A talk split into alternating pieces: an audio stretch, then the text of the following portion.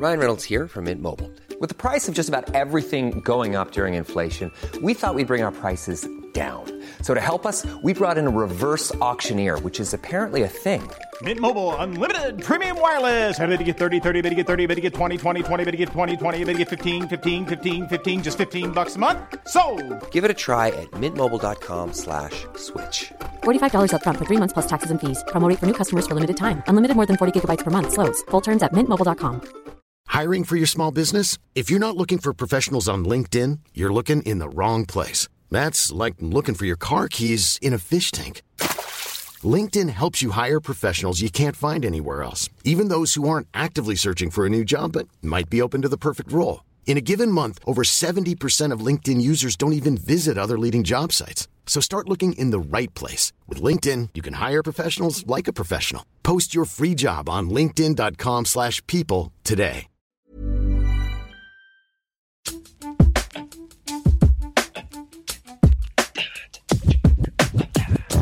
Du lyssnar på det 63 avsnittet av Brittas och Parisas podcast. Denna vecka, ja, kanske mer sprängfullt än någonsin av eh, behov av att avhandla vissa grejer som har hänt i nyhetsflödet den här veckan. Vi älskar ju att vi får vara er, vad brukar vi säga? Frälsare i friden brukar vi säga. Mm. Machete i misären. Den är bra och särskilt denna vecka kanske. Ja. Så allt från populärkultur till nyheter. Och denna vecka är det såklart Soran Ismails audition till offentligheten. Vi pratar Mm. om SvD-intervjun. Och så blir det en hel del om det pinsamma politiska vidriga som händer och Westworlds nya säsong på HBO. Ja, just det. Så har jag ett nytt program som kommer. Ja, det vill jag jättegärna att ni ska titta på. Men ja, det har ju. Det är svinmycket att prata om. Let's get to it!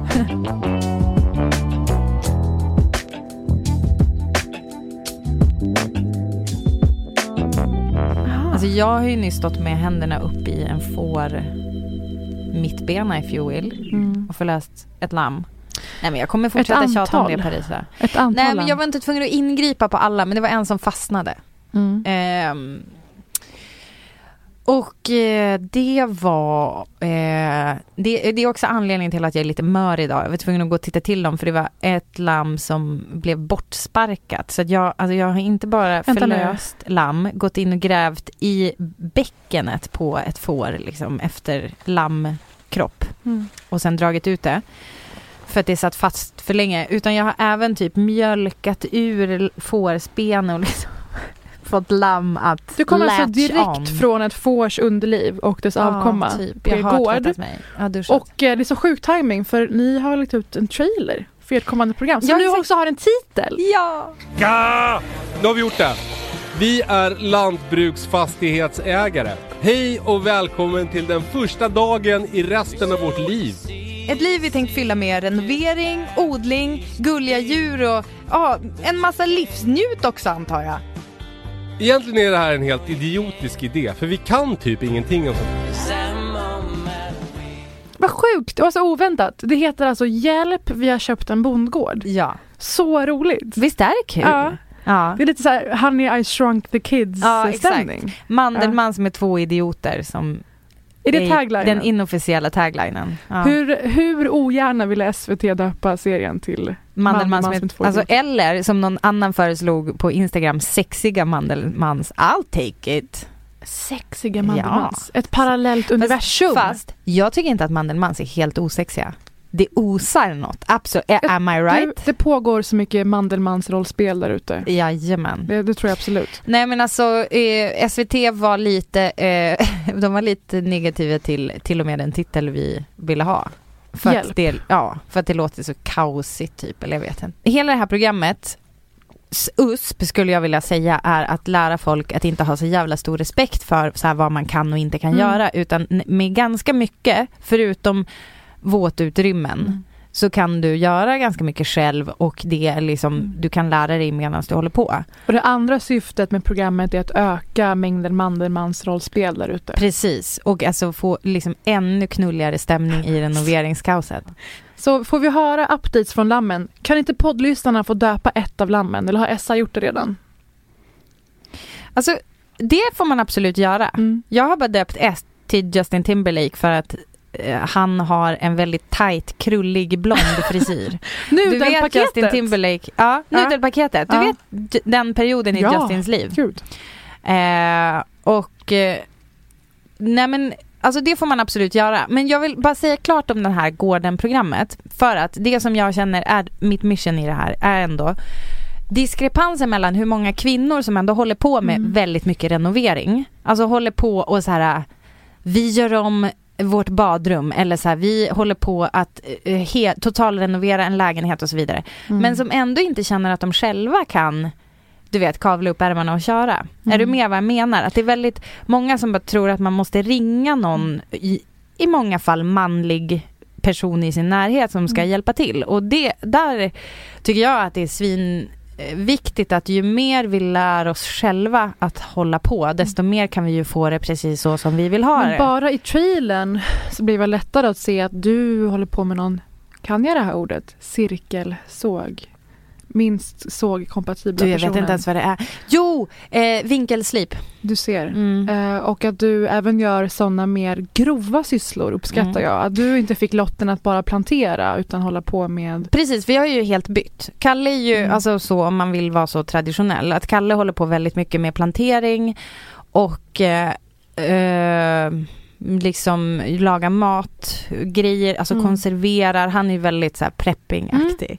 Eh, och jag håller på med byggandet. Men det är ju väldigt eh, intressant och jag har ju pratat om det här med, alltså det känns ändå som att folk som följer den här podden, ni har ju ändå varit med ganska mycket i när jag har pratat om hantverkare som bara, nej du vet det där det går just inte och så här. Och det att kunna, ju mer man kan själv desto mer kan man ju mm, liksom, ju mer växer ens fuck you-finger gentemot den typen av attityder och personer. För att man får nu om någon försöker snacka bort mig Mm. med vad man inte kan behandla ett golv med, Mm. då vet ju jag det. Mm. Ehm, och, men det börjar ju i att man bara vågar skita i vad de säger. Mm. Så jag hoppas med det. Men får jag säga tre snabba grejer som man kommer få se i det här Du får programmet? säga exakt vad du vill. Det här är våran podcast. Eh, Okej, som jag tror, det är sant, det är det.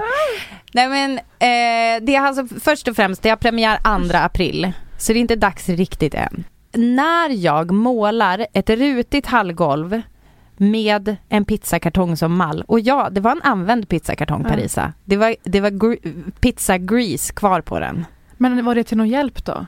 Ja, den var, den var mallen för rutorna. Du är som MacGyver fast med osunda matvanor. ja, och Ja. Byggmaterial. Ja, ja, alltså Ja. du är inte agent eller någonting. Nej, men Den precis. liknelsen håller ändå. Exakt. Och sen så kommer man också få se hur vi, och det är i första avsnittet tror jag, hur vi hanterade situationen att en älg bara hade gått och dött på våran gård. The audacity. The audacity, alltså att den hade mage. Men det här är ju nackdelen med att ni har ägor och Jag mark. vet. Det kan hända vad som helst jag vet, på den och marken. när det ligger på våran mark så är det Mm. vårat problem. Alltså när jävla Södermalmskids har rave och tio dör för att Mm. de tar dåligt E. Mm. Hur uttrycker jag mig om knark? Dåligt E, säger man Mm. så? Till skillnad från bra E. Jag har ingen aning. Då är det ni som måste skyffla bort kropparna. Det är vi. Mm. Alltså förutom att, precis. Men det är Men säsong det är inte två. på Södermalm.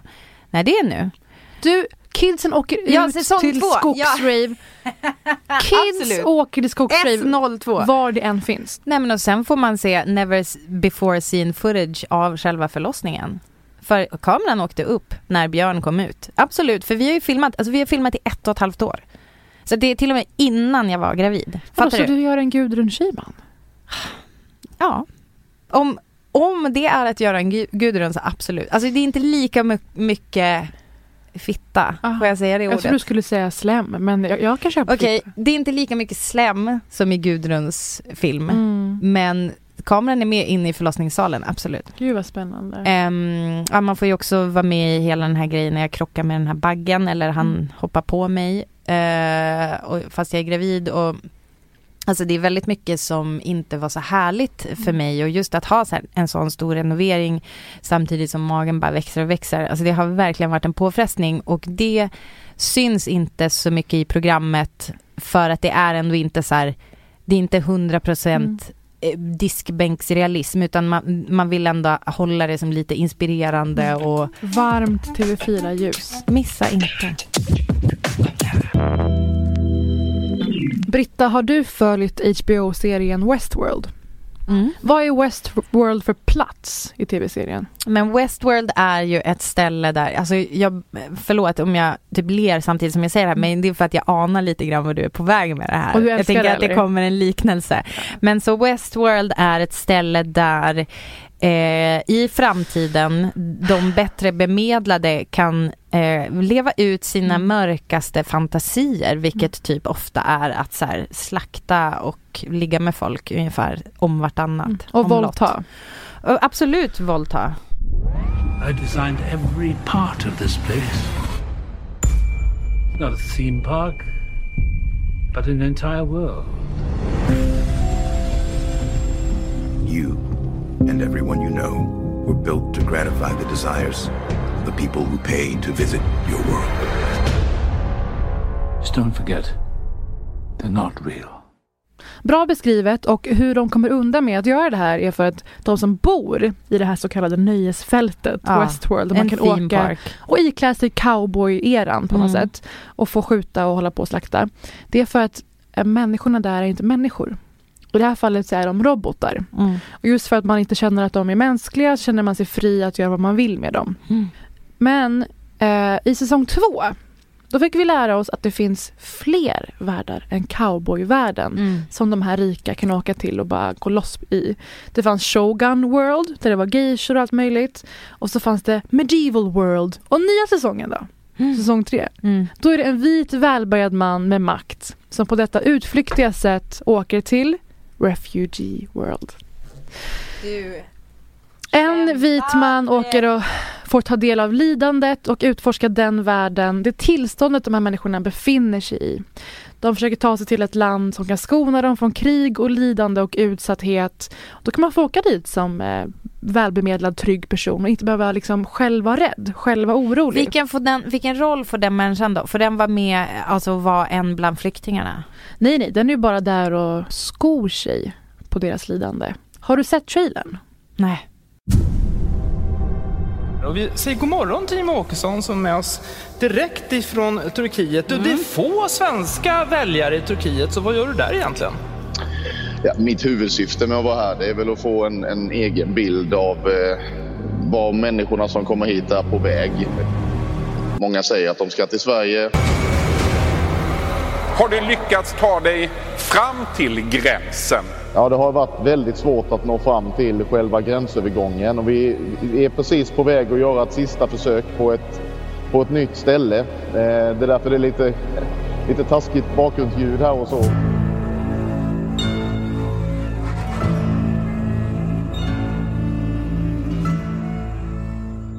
Det kommer en ny säsong av HBO som vi ska prata om.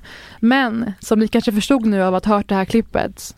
Jag pratar såklart om Du Jimmy. Åkesson. Jimmy Åkesson i Turkiet. Nej men alltså jag var helt, fan vad du lurade mig. Jag var helt med på, för att eh, du har Intel på, eh, vad heter det, Westworld nya säsongen va? Ja, och eh, varför jag valde att göra det så här är för att jag ville visa på hur absurt det här tilltaget är. Att det går att likna med att eh, rika människor i en nära framtid åker till en, en sfär och får sko sig på och vältra sig i det här lidandet och inte känna att det är något som berör dem. För de här människorna är inte människor som de är. Det tycker jag att vi, våra lyssnare kan få veta. Jag har en deal med, eftersom jag har ett program på SVT, så får jag då inte uttrycka mig partipolitiskt. Mm. Alltså jag har väldigt svårt att hålla det här ifrån mig och inte liksom gå in med känslor. Please do. Eh, för att, eh, så jag och Kalle var ju på Lesbos och träffade människor som hade flytt och då, jag, jag vet inte om, jag vet liksom inte om det här spelar roll för någon, men för mig blev det en så jävla stor skillnad för att, jag menar jag är redan från början eh, djupt sympatisk med människor som måste lämna allt de har och Mm. fly. Och när människor sätter si, eh, sina barn i de där båtarna, alltså du vet att sätta sin, om jag skulle sätta mig med Essa och Björn Mm. i, i de där fucking båtarna, jag kan liksom inte ens tänka mig hur jävla desperat man är när man är villig att riskera barnens liv för man tänker att det är värre där man är. Mm. Så jag har träffat människor som har flytt den vägen och, och det som gjorde så jävla starkt intryck på oss, det starkaste tror jag för båda oss, det är när vi träffar eh, den här familjen som har flytt för bara 20 dagar sedan. Mm. Så för 20 dagar, 21 dagar sedan var deras liv helt normalt. Mm. Och så en dag så kommer de eh, de är på restaurang och deras granne ringer och säger ni kan inte komma tillbaka. Mm. För att det de har varit, alltså deras hem var förstört. Det var folk som var ute efter dem. Jag orkar inte berätta hela historien men det, det, är så ty, det blir så jävla jävla tydligt när det är så här, fast för tre veckor sedan var du, precis som jag, på jobbet. Mm. Eh, och ehm, hämtade barnen från skolan sen Mm. och gick hem och lagade typ köttfärssås och spaghetti. Om man inte har förståelse för den verklighet som människor som får människor att lämna sina hem. Det är inte för att det verkar nice att komma till Sverige.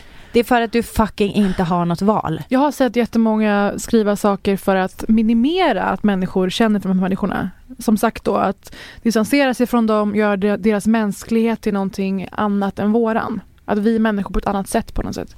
Det är att tillstå att de skulle vara ekonomiska flyktingar, vilket är ett intressant begrepp. Ja. För det är som att det inte också är ett lidande. Mm, Precis. Att ditt jobb har bombats, att ja. en hel regering har fallit. Vad tror du att det är? Se bara på Sverige nu. Det finns inte toapapper överallt på grund av corona. Jaha. Och folk slåss med varandra i Mm. Australien över sådana här grejer. Mm. Så att de inte förstår att det också är ett lidande. Utan de gör det för att minimera hur, hur hemskt det är, deras tillvaro. Vi hade ju svält i Sverige för liksom är det ens hundra år sedan? Mm. Men alltså att man visste typ i september Mm. att så här, vintern kommer typ inte alla överleva. Alltså hur, så här, det, det är en verklighet för oss också. Mm. Eh, och det är så jävla sjukt, alltså om de nu, eh, det är så jävla sjukt om man har med sig sin historia även om Sverige. Inte helt opassande koppling till Max von Sydows död den här veckan och Utvandrarna.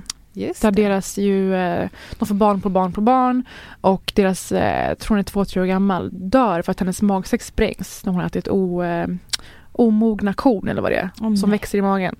Eh, ja, tack för allt Max von Sydow. Men tillbaka till det här. Det Jimmy Åkesson gör av det här är ju en liten utflykt. Han tillstår en flyktingsafari. Håll utkik på era turistbyråer. Och han gör en politisk kampanj av det här. För att han eh, dokumenterade det här flitigt i sina kanaler och genom SD. En väldigt pigg och glad bild när han sitter i ett flygplan med sin nära vän och kollega. Tummen upp. Flo, alltså hånleende, sjukt. Ut på nya äventyr. Grabbarna grus. Jag tror att det här, Jimmy Åkessons utflykt och de starka reaktionerna på det, eh, allt, det, allt det berättade om Sverige just nu. Jag tror att det är denna gångs Allan Kurdi-ögonblick. Du minns Allan Kurdi? Mm.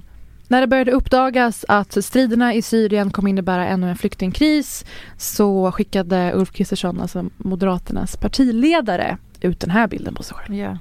I full jaktmundering står han med armarna i kors och så står det stärk gränsen. Då ska han se bister och bestämd Men alltså ut. ska han själv ut och smyga längs gränsen? Alltså det är jävligt, det är en komisk bild.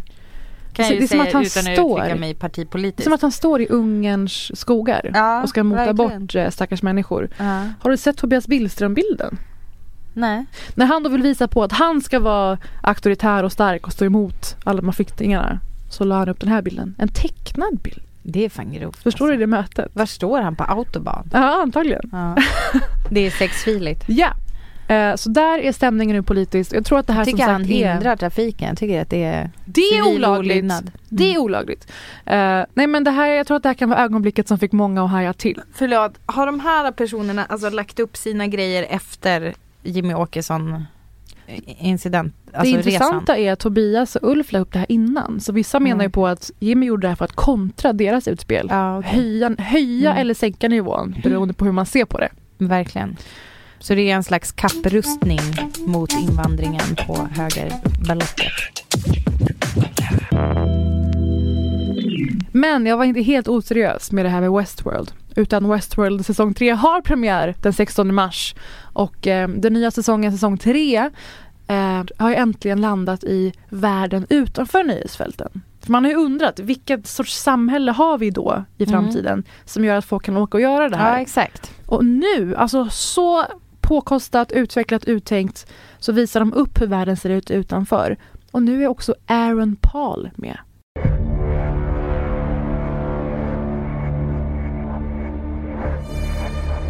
Who are you, Dolores? You and I are a lot alike. They put you in a cage, decided what your life would be. They did the same thing to me. You've been watching me. Not me, but someone. Something has. Ja, vi får se hur samhället funkar där ute och vi får se Dolores, alltså urroboten som insåg att hej, we're all robots. Hur vad hon har för agenda där ute. Spoiler från säsong två, men Mm. det borde ni ha sett. Och ehm, jag tycker att det är väldigt spännande, en vi skriver med Aaron Paul, är att han jobbar som någon slags, tänk Uber eller Bolt-chaufför, alltså gig-ekonomi. Mm. Fast eh, på ett kriminellt sätt. Det finns en kriminell gig-app. Mhm.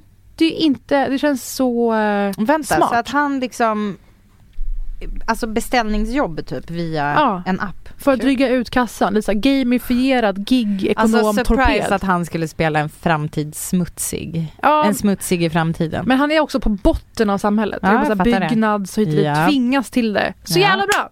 Så eh, tack och förlåt HBO och Westworld för den här liknelsen. Nej, varsågod för plott till säsong fyra. Där har vi det. Där har vi det! Om ni vågar.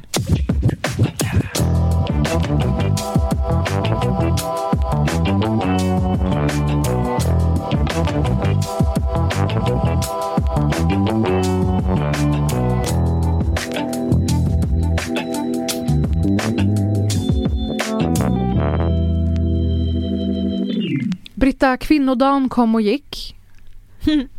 Skrattet, vad innebar den i hushållet eller för dig?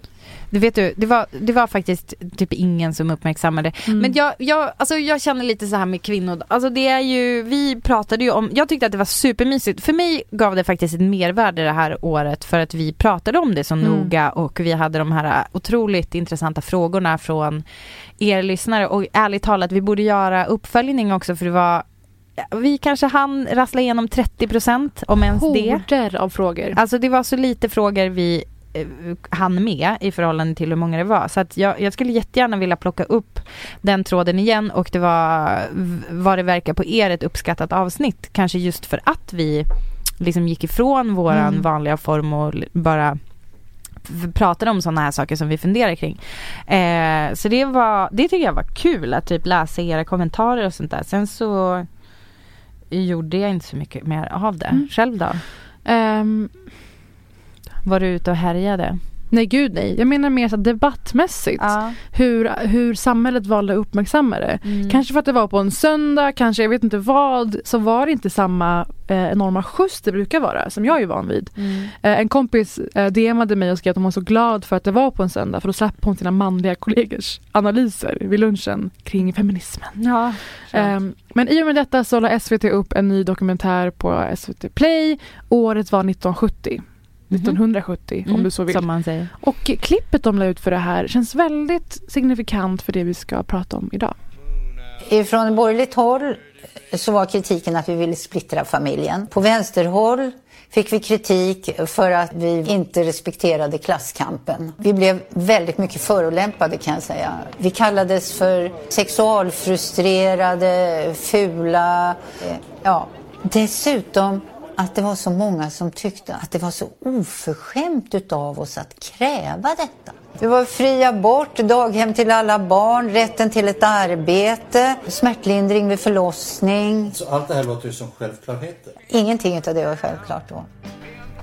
Alltså jag hajar till för att det här påminner mig om att det, även om man delar en kamp på många andra säg Säg att man, det här var nog en socialistisk bakgrund. Att de kämpade för arbetsrätten, eh, sjukvård, skola och sådär. Så tyckte de att kvinnor kom och liksom derailade kampen. Mm. Och så kände jag också att det här säger någonting om vänsterkillar. Om inte vänsterkillar så killar man eh, som, som är för andra vettiga saker som skola, sjukvård hit och dit. Mm. Och som man kanske känner inte är helt på det hundra med vissa saker. Och vi såg det med Louis CK. Mm. Att när han försvann från det offentliga samtalet så var det en sorts förlust egentligen. För att han var ju så vettig och bra på många sätt. Och för mig var det väldigt jobbigt, det var jättetråkigt. Och det var ju efter anklagelser efter metoo. Eller i och med metoo. Mm. Och den svenska motsvarigheten har ju inte gått att prata om förrän den här veckan egentligen. Nej. För det- Varför har det inte gått att prata om? För att det inte har varit outat på samma sätt. Mm. Eh, men var en förlust i det offentliga samtalet. PGA var så viktig för antirasismen. Ni känner till järnrörsskandalen och var konstant i den offentliga debatten som komiker och debattör. Jag pratar såklart om Soran Ismail. Jag kan bara säga kort, om det är någon som missat kan jag bara kort förklara nu. Över fyra år sedan så var jag på McDonalds på Kungsgatan i Stockholm. Och så kom det fram tre sverigedemokrater till mig och trodde att jag var Babben Larsson. Jag vill prata om rasismen, om frågan. Varför det är aktuellt nu är för att Soran ställde upp på en intervju i SvD efter anklagelserna mot honom som gjorde att han gick under jorden i över två år. Mm. Det är också samtidstypiskt att han gör det. Ja, precis. Men eh, varför han valde att göra den här intervjun har väl att göra med att det, här- han då har kontrat med ett förtals, eh, en förtalsanmälan eh, som nu jag vet inte, är det as we speak som det behandlas i rätten? As we podd så finns det en rättegång på gång. Vi har Ja. liksom lite flashar uppe och försöker se om vad som händer. Mm. Eh, den här kommer på förra veckan, va? intervjun. Och jag kommer ihåg att det Mm. var så här en våg genom Mm. sociala medier. Mm. Så, oj. Ehm, Men jag tänker att han gör det väl mycket för att det där är ju offentliga handlingar Mm. när det är eh, saker som händer i eh, inom rättsväsendet. Så eh, han var väl kanske på sätt och vis typ tvungen, eller? Mm. Vad tror du? Vad tror du är anledningen varför han gör det här? men du tänker att han gjorde det för att det kommer ändå komma ut nu, Mm. eller bli legitimt Might för... as well äga narrativet. Ja, att medier kommer ändå rapportera om det i och Mm. med rättegången. Så Ja. tänker du. Ja. Eh, nej men det är relevant, det är jätteintressant. Ehm, för eh, texten börjar med, i början av metoo-rörelsen så skrev Dagens Nyheter nyheten Svensk komiker utreds för misstänkt våldtäkt. Där de rapporterade att minst tre kvinnor polisanmält en komiker och tv-profil för sexuella trakasserier och övergrepp. Och där minst en av kvinnorna menade att det rörde sig om våldtäkt. Han menar på att alla visste om att det var han som åsyftades. Mm. Har du upplevt det så de här två åren? Att alla visste och att det var någon slags outtalad grej eller var mycket på kanske Flashback och sådär. Att folk visste det. Mm. Jag vet, jag rör mig inte så mycket på Flashback så jag kan inte uttala mig om det. Men att det var så allmän, allmänt känt, nej. Är det sant? Det upplevde inte jag. Men kanske Eh. är dina liksom programledare, medie... Ja, absolut, kretsar. men jag menar Ja. om man, så fort man rör sig liksom utanför det Mm. ehm, så, eh, så kände jag inte kanske nödvändigtvis att det var så, nej. Mm. Men det betyder ju inte, alltså om vi säger så här att alla vet, Mm. det kanske räcker med den klicken som visste. Om För det är säger de så. som anlitar en också. Precis, någonstans. för det är ju det som är hans poäng i det här förtalsmålet. Mm. Att, eh, han, att det är förlorad inkomst och alltså att hans liv i princip, hans eh, professionella liv i princip var över. Eller att det var helt dött. Det står ju Mm. någon jämförelse med att han drog in 6,1 eller omsatte Mm. 6,1 miljoner ena året och sen 75 000 andra året. Mm.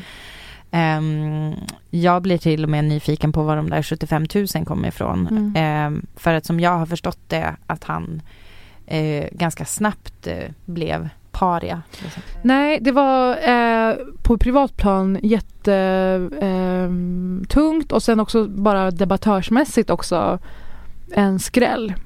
Med tanke på allt han har stått för och propagerat för. Mm. Att, att det är det jag menar med den här liknelsen med Mm. killar man kan sympatisera med i andra frågor. Mm. Men om vi ska gå igenom den. Eh, lite vad han har sagt och gjort och så kan vi jämföra med andra som har blivit anklagade, vad de har sagt. Mm. För att liksom bemöta eller försöka komma vidare. Mm. På raka frågan, varför säger folk det här om dig? Har du gjort det här? Mm. Då svarar han ju till exempel, jag har aldrig någonsin upplevt att jag har gjort någonting mot någons vilja. Och jag vet att det aldrig har varit utan någons tillåtelse. Jag har trott att jag alltid har varit schysst och respektfull. Eh, och så säger han att det, det är inte helt okomplicerat med relationer och sex, säger han vid något tillfälle. Ehm, och jag kommer att tänka på Aziz Ansari. Precis vad jag tänkte säga. För, eh, för du ville dra paralleller till honom, för han Mm. eh, tycker jag ändå gjorde kanske ett bättre jobb att faktiskt be om ursäkt. Mm. Aziz Ansari, då gällde det en person.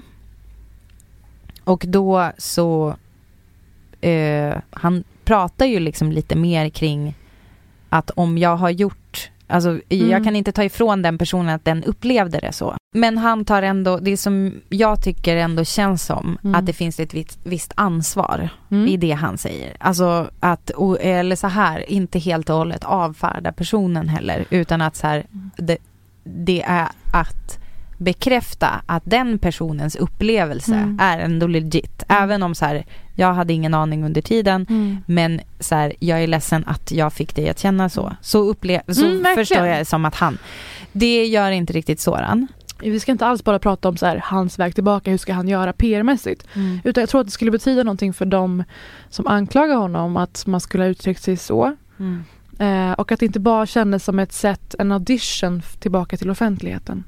Men får jag säga så här, för om jag har försökt att tänka på eh, det här utifrån hur man ska liksom kunna bemöta det, för att så här, ingen av oss vet vad som hände. Eh, Så det är jävligt svårt att prata om. ehm, Men det, det gäller ju liksom alla de här fallen egentligen.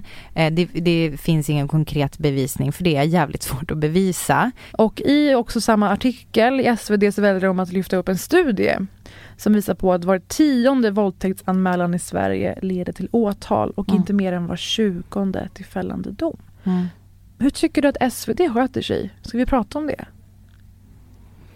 Alltså att de väljer att göra den här intervjun, eh, hur de väljer att utföra den.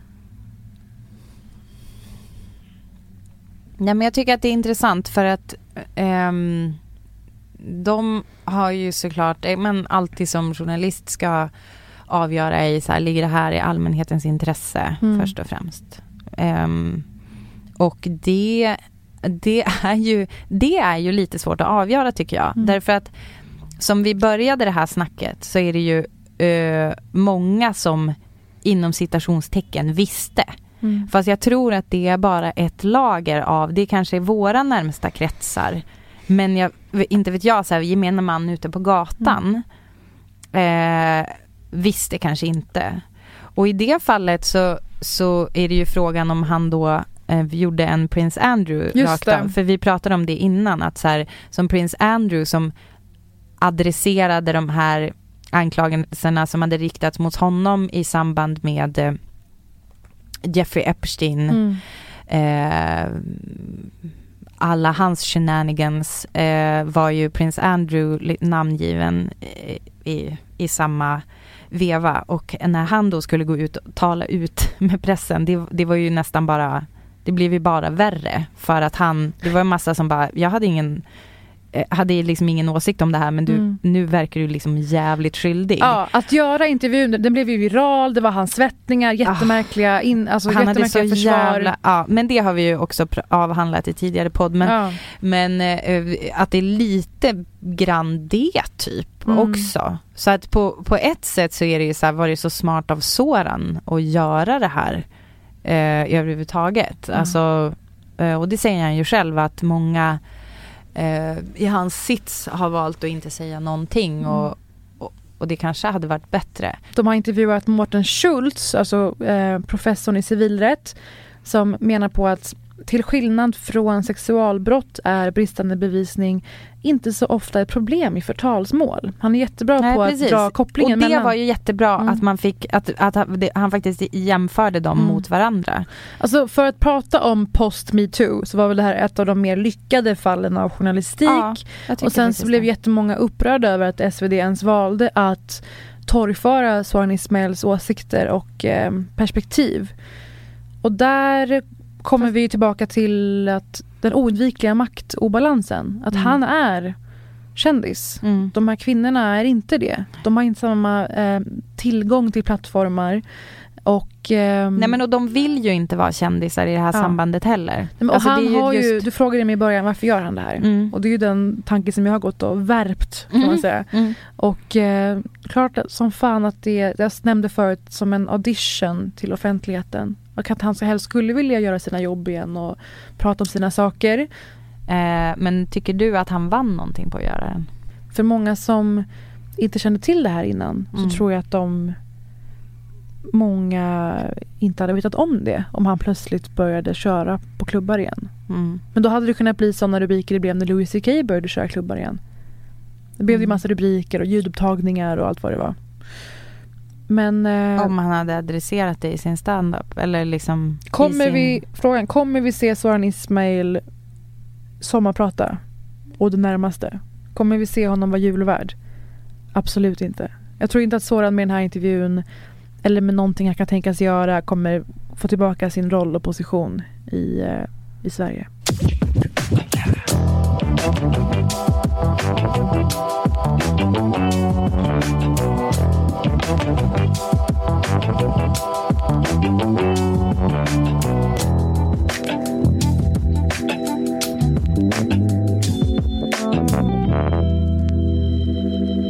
Du gjorde ju en eh, serie på SVT Ja.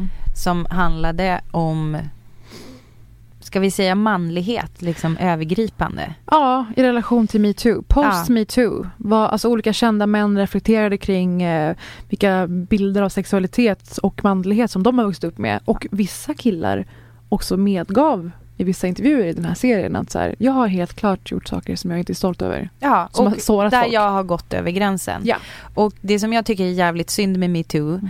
är att det har blivit en liksom att rörelsen ligger hos an- anklagarna om jag säger så. Mm. Alltså för att det som en bra grej som hände var ju faktiskt att, att eh, ehm, vettiga killar kunde ransaka sig själva och kanske också eh, reflektera över ett beteende som eh, man har haft liksom genom åren och eh, vad är okej, vad är inte? Har jag verkligen varit Mm. säker på att den jag har legat med verkligen har velat eller har jag ja. Alltså 99,9% har ju handlat om icke namngivna förövare. Ja. Som alltså att metoo är ju en folkrörelse. Det är något som Precis. sker i det tysta tror jag också mycket. Ja, Mm. och eh, det känns som att det är... ehm, jag, jag är nog lite förvånad över att just en av de då huvudanklagade i denna rörelse Mm. inte har nått längre med sin egen reflektion Mm. kring det som hänt. Att det inte finns, att det inte blir ett längre citat kring han hur sa- tankarna har gått. Han sa något svepande om att metoo har varit jättebra. Um, vilket ju kanske är det närmaste det, intervjun i alla fall kom till någon slags eh, förståelse för samhällsproblemet. Mm. Tror jag. Ehm, men har du, har du på nära håll alltså varit med om att folk har behövt rannsaka sig? Eller har du märkt av att någon har varit så här, fan jag tror ändå att jag...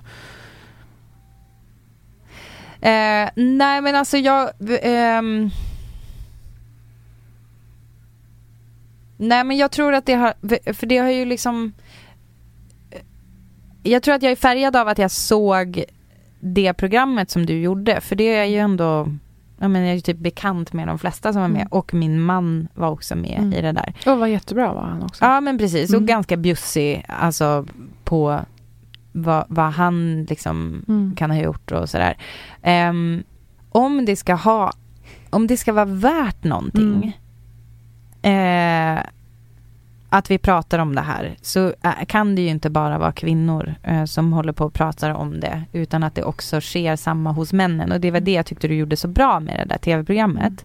Att faktiskt låta ehm, samtalet hända hos killarna. För Ja. att säga så här, det är inte något som kvinnor äger. Eh, utan det, det är, vad ska man säga, det är vi liksom skriker till och säger ifrån kring symptomen. Mm. Men vad är liksom orsaken till det här och var börjar det någonstans? Men därför jag också frågade, därför jag tog upp det här med kvinnodagen och vad hände? Alltså det var ju knappt någon man i hela mitt flöde som benämnde kvinnodagen överhuvudtaget. Nej, men det är ju så sällan. Och jag Ja. tror, jag tror att det är lite att de bara, ja man får ju inte, man får ju akta sig, man vet inte vad man någon, ska säga. jäms- någon likställde det med kanelbulledagen till mig. Något troll. Vilket Okej. jävla världsfrånvänt. Ja. Ja. Men eh, för jag saknar ju fortfarande liksom männen som eh, säger ifrån, som är på våran sida, som är de som eh, liksom kan eh, eh du vet, allt ifrån eh, eh, säga till om de tycker att det är på en arbetsplats ett för obehagligt klimat för mm en kvinna som kanske, alltså vi pratade ju om det där tidigare, att du behöver ju inte säga hon kanske är obekväm, utan du kan säga ja, jag känner mig obekväm Mm. eh, kring hur du pratar med henne, eller jag känner mig obekväm att du ska gå hem med henne för hon verkar för full. Mm. Eller vet du helt säkert att eh, din tjej vill ligga med dig när, du, när hon Mm. sover. Eller alltså Mm. inte fan vet jag. Vi, vi har ingen nu Du märker att jag så gissar vad det kan vara för konversationer som killar har. Ja. Men det är, jag tycker att det är så jävla skumt att det fortfarande är liksom, ligger mest hos kvinnor. Att det är vi som pratar om det och det är vi som måste föra den här fucking kampen. Vi är ju trötta. Vi har ju hållit på med det här liksom så jävla länge och jag ehm, det han hade, det som Alltså eh, jag försöker akta mig att säga för noga om Soran men liksom Det som killar kan göra nu är ju att fortsätta liksom eh, ransaka sig själva och eh, jag, jag, jag är förvånad över hur lite eh, ehm, han verkar ha reflekterat de senaste åren, Mm. om jag säger så.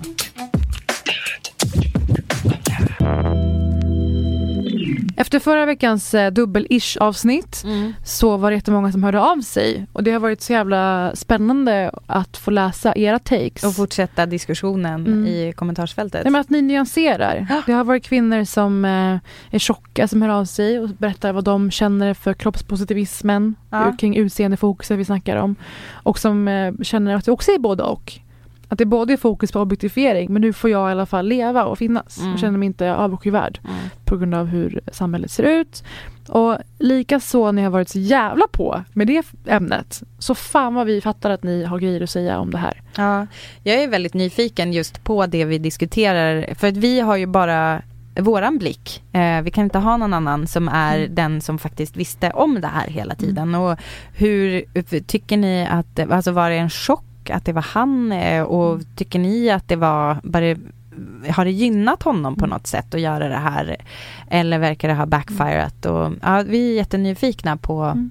På hur diskussionerna går hemma hos er. Och det här kan ju ske på Britta och Parisa på Instagram där vi håller till och snackar Alltid. Mm. mer. Jätteroligt. Eh, och eh, så vill vi att ni, vi hör, ni hör av er där och följer oss där. Men också att ni lyssnar nästa vecka. Vi älskar er, ni är så jävla smarta och roliga och bra. Adjö. Puss puss, hej!